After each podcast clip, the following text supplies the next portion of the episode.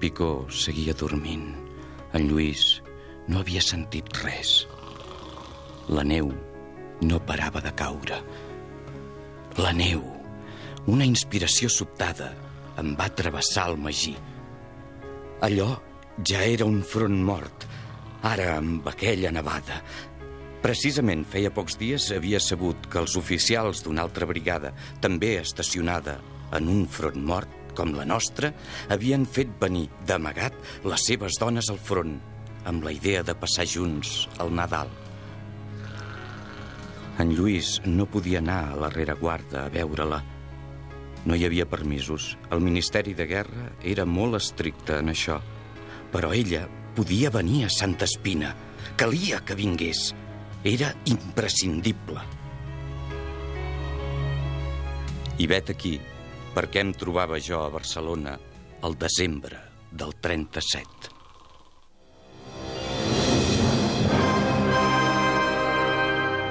Catalunya Ràdio presenta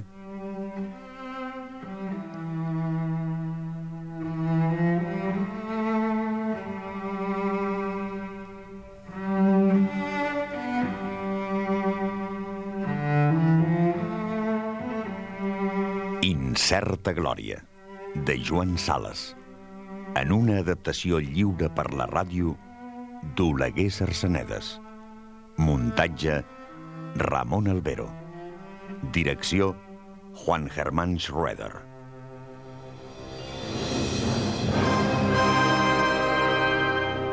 Incerta Glòria, de Joan Sales. Una producció de Catalunya Ràdio amb el suport del Departament de Cultura de la Generalitat de Catalunya. Extra, 15 artistes catalans al Palau Robert de Barcelona. Sergi Aguilar, Jordi Benito, Josep Manuel Broto, Tom Carr, Pep Duran Esteve, Gabriel, Francesc Llopis, Víctor Mira, Pere Noguera, Carles Pazos, Pere Jaume, Jaume Plensa, Riera i Aragó, Susanna Solano i Josep Uclés. Extra, 15 propostes artístiques d'intervenció en un espai. Palau Robert de Barcelona, del 22 d'abril al 24 de maig. Organitzat pel Departament de Cultura de la Generalitat de Catalunya amb el suport de Catalunya Ràdio. Catalunya. Endavant amb la cultura. Capítol 41. Les dones del batalló.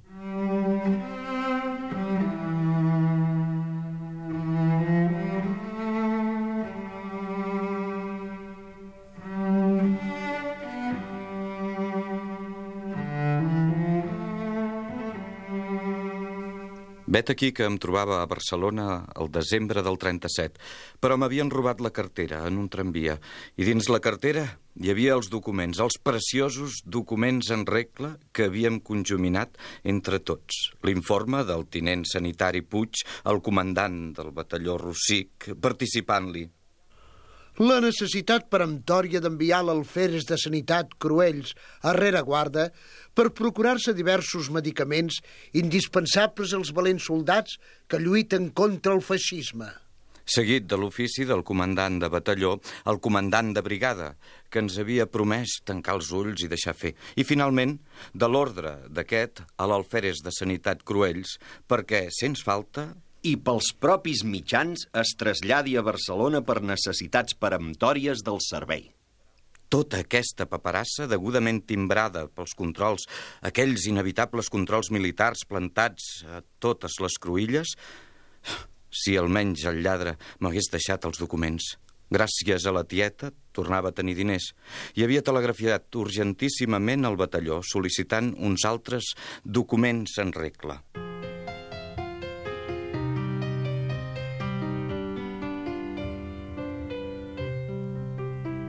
La meva primera visita havia estat a la dona del doctor Puig.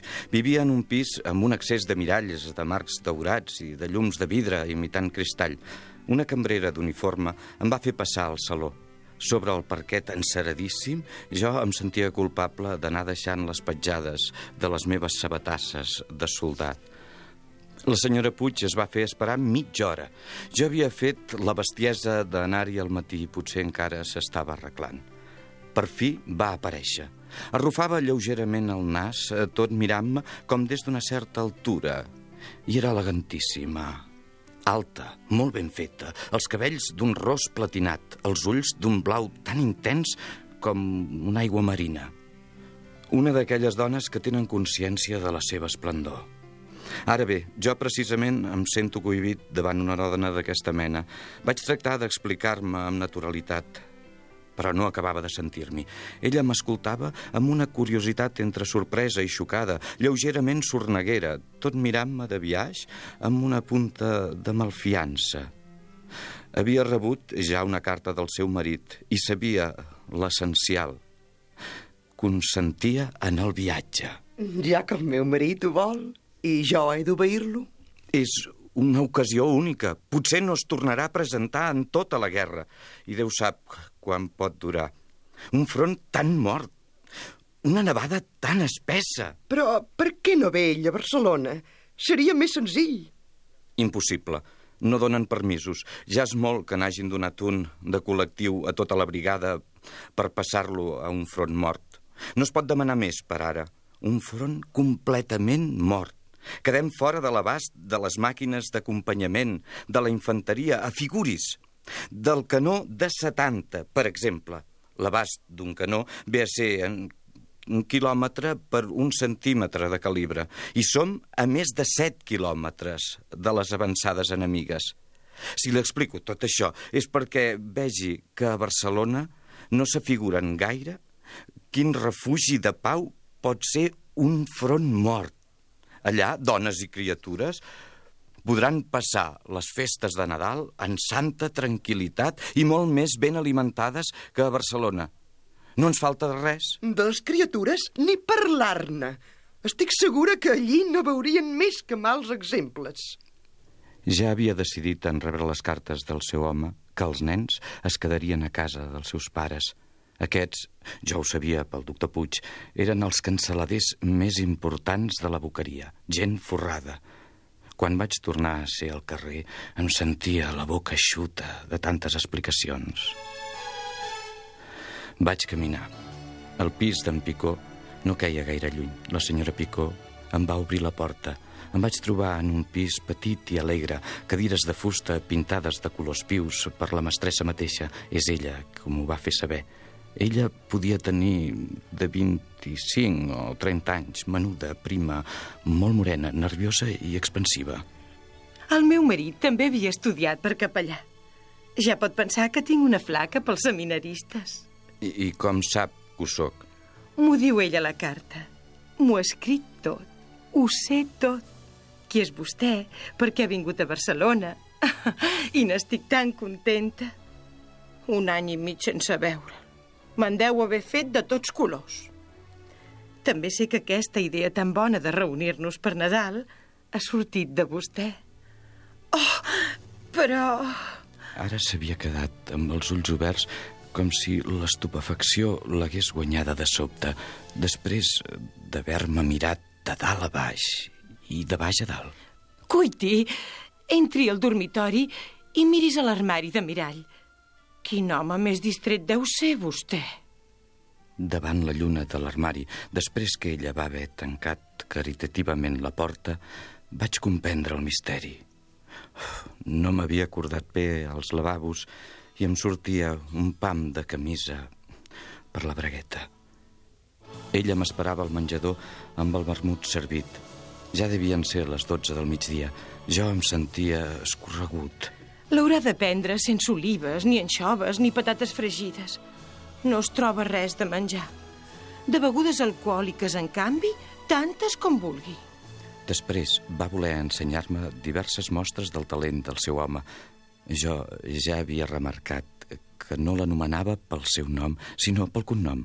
En Picó és molt traçut. Va voler, sobretot, que veiés el funcionament de la instal·lació elèctrica del menjador, que era molt complicada, a base de bombetes de diferents colors que es podien combinar de diverses maneres. Teníeu llum vermella, verda, blava, groga o combinada.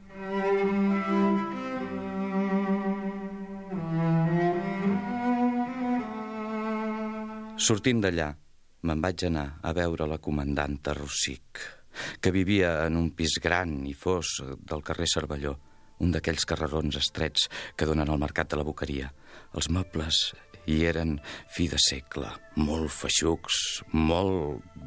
molt de família, tot el que hi pugui haver de més passat de moda i respectable. La senyora Rossic era menuda i morena, com la senyora Picó, però grassona i ja amb els cabells grisos. Es veia que passava llargament de la quarantena, seriosa i afable. Va fer venir la Marieta, la seva filla, que semblava molt alta pels seus nou anys, molt prima també, amb un color groguenc i uns immensos ulls negres. La seva mare li va dir de saludar-me i ella ho va fer amb una petita reverència. De sobte em va disparar aquesta pregunta que després havia de repetir tantes i tantes vegades. Oi que no mataran el meu papà? I ara, és clar que no el mataran.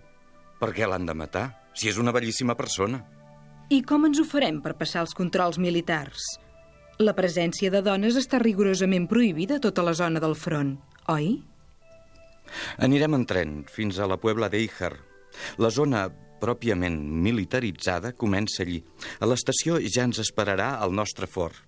Vostès es posaran vestits típics de pagesa damunt els seus i la cosa anirà de primera. Sovint les pageses de la comarca demanen, per favor, que les deixin pujar en els autos i els camions de l'exèrcit per traslladar-se d'un poble a l'altre, de manera que no crida l'atenció. Pel que fa als vestits típics, n'hem trobat als pobles de la terra de ningú. En tenim de totes les mides. Tot estat preparat amb molt de compte.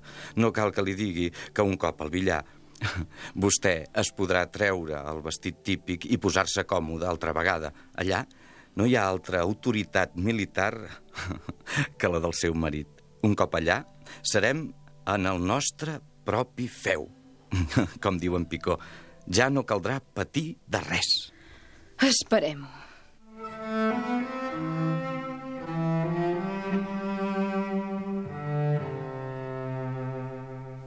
Però els documents en regla no havien arribat encara. En el meu telegrama al comandant jo li indicava que me'ls enviés a l'adreça de la seva dona. Començaven a guitejar-me per aquell retard que podia fer fracassar tota aquella operació tan ben muntada. Vaig dir a la senyora Rossic que tornaria al vespre.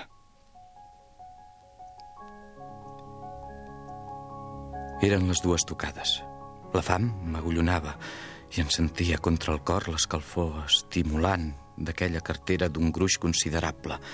Em vaig trobar en aquell laberint de carrerons dels vols de la boqueria, l'anunci d'una taverna em va obrir els ulls. Llobarro a la llauna. L'ortografia no era el fort del taverner, però el concepte feia venir aigua a la boca. Em vaig entaular en una tauleta rodona de marbre posada a la vorera. Malgrat el calendari, vaig preferir dinar a l'aire lliure que ficar-me en aquell interior més aviat suspecte. Més que fred, sentia l'humitat d'aquells barris baixos de Barcelona que se m'enfilava cames amunt. Des de la meva tauleta jo veia el gran mercat espantosament buit. No s'hi venia res, o apenes, des de feia mesos. Una dona miserable que acabava de recollir, Déu sap què, entre les rares deixalles, em va insultar tot passant. Atipa't, col·locat! Al front, que hi vagin els meus!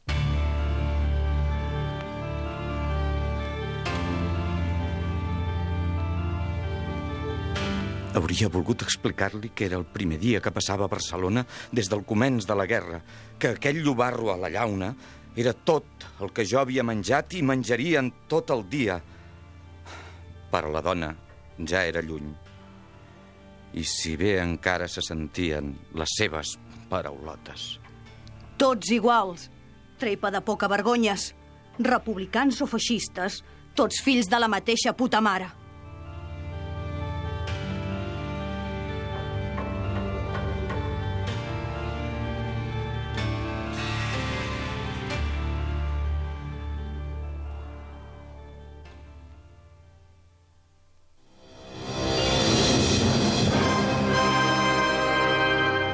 Heu escoltat el capítol 41 d'Incerta Glòria, de Joan Sales, amb les veus de...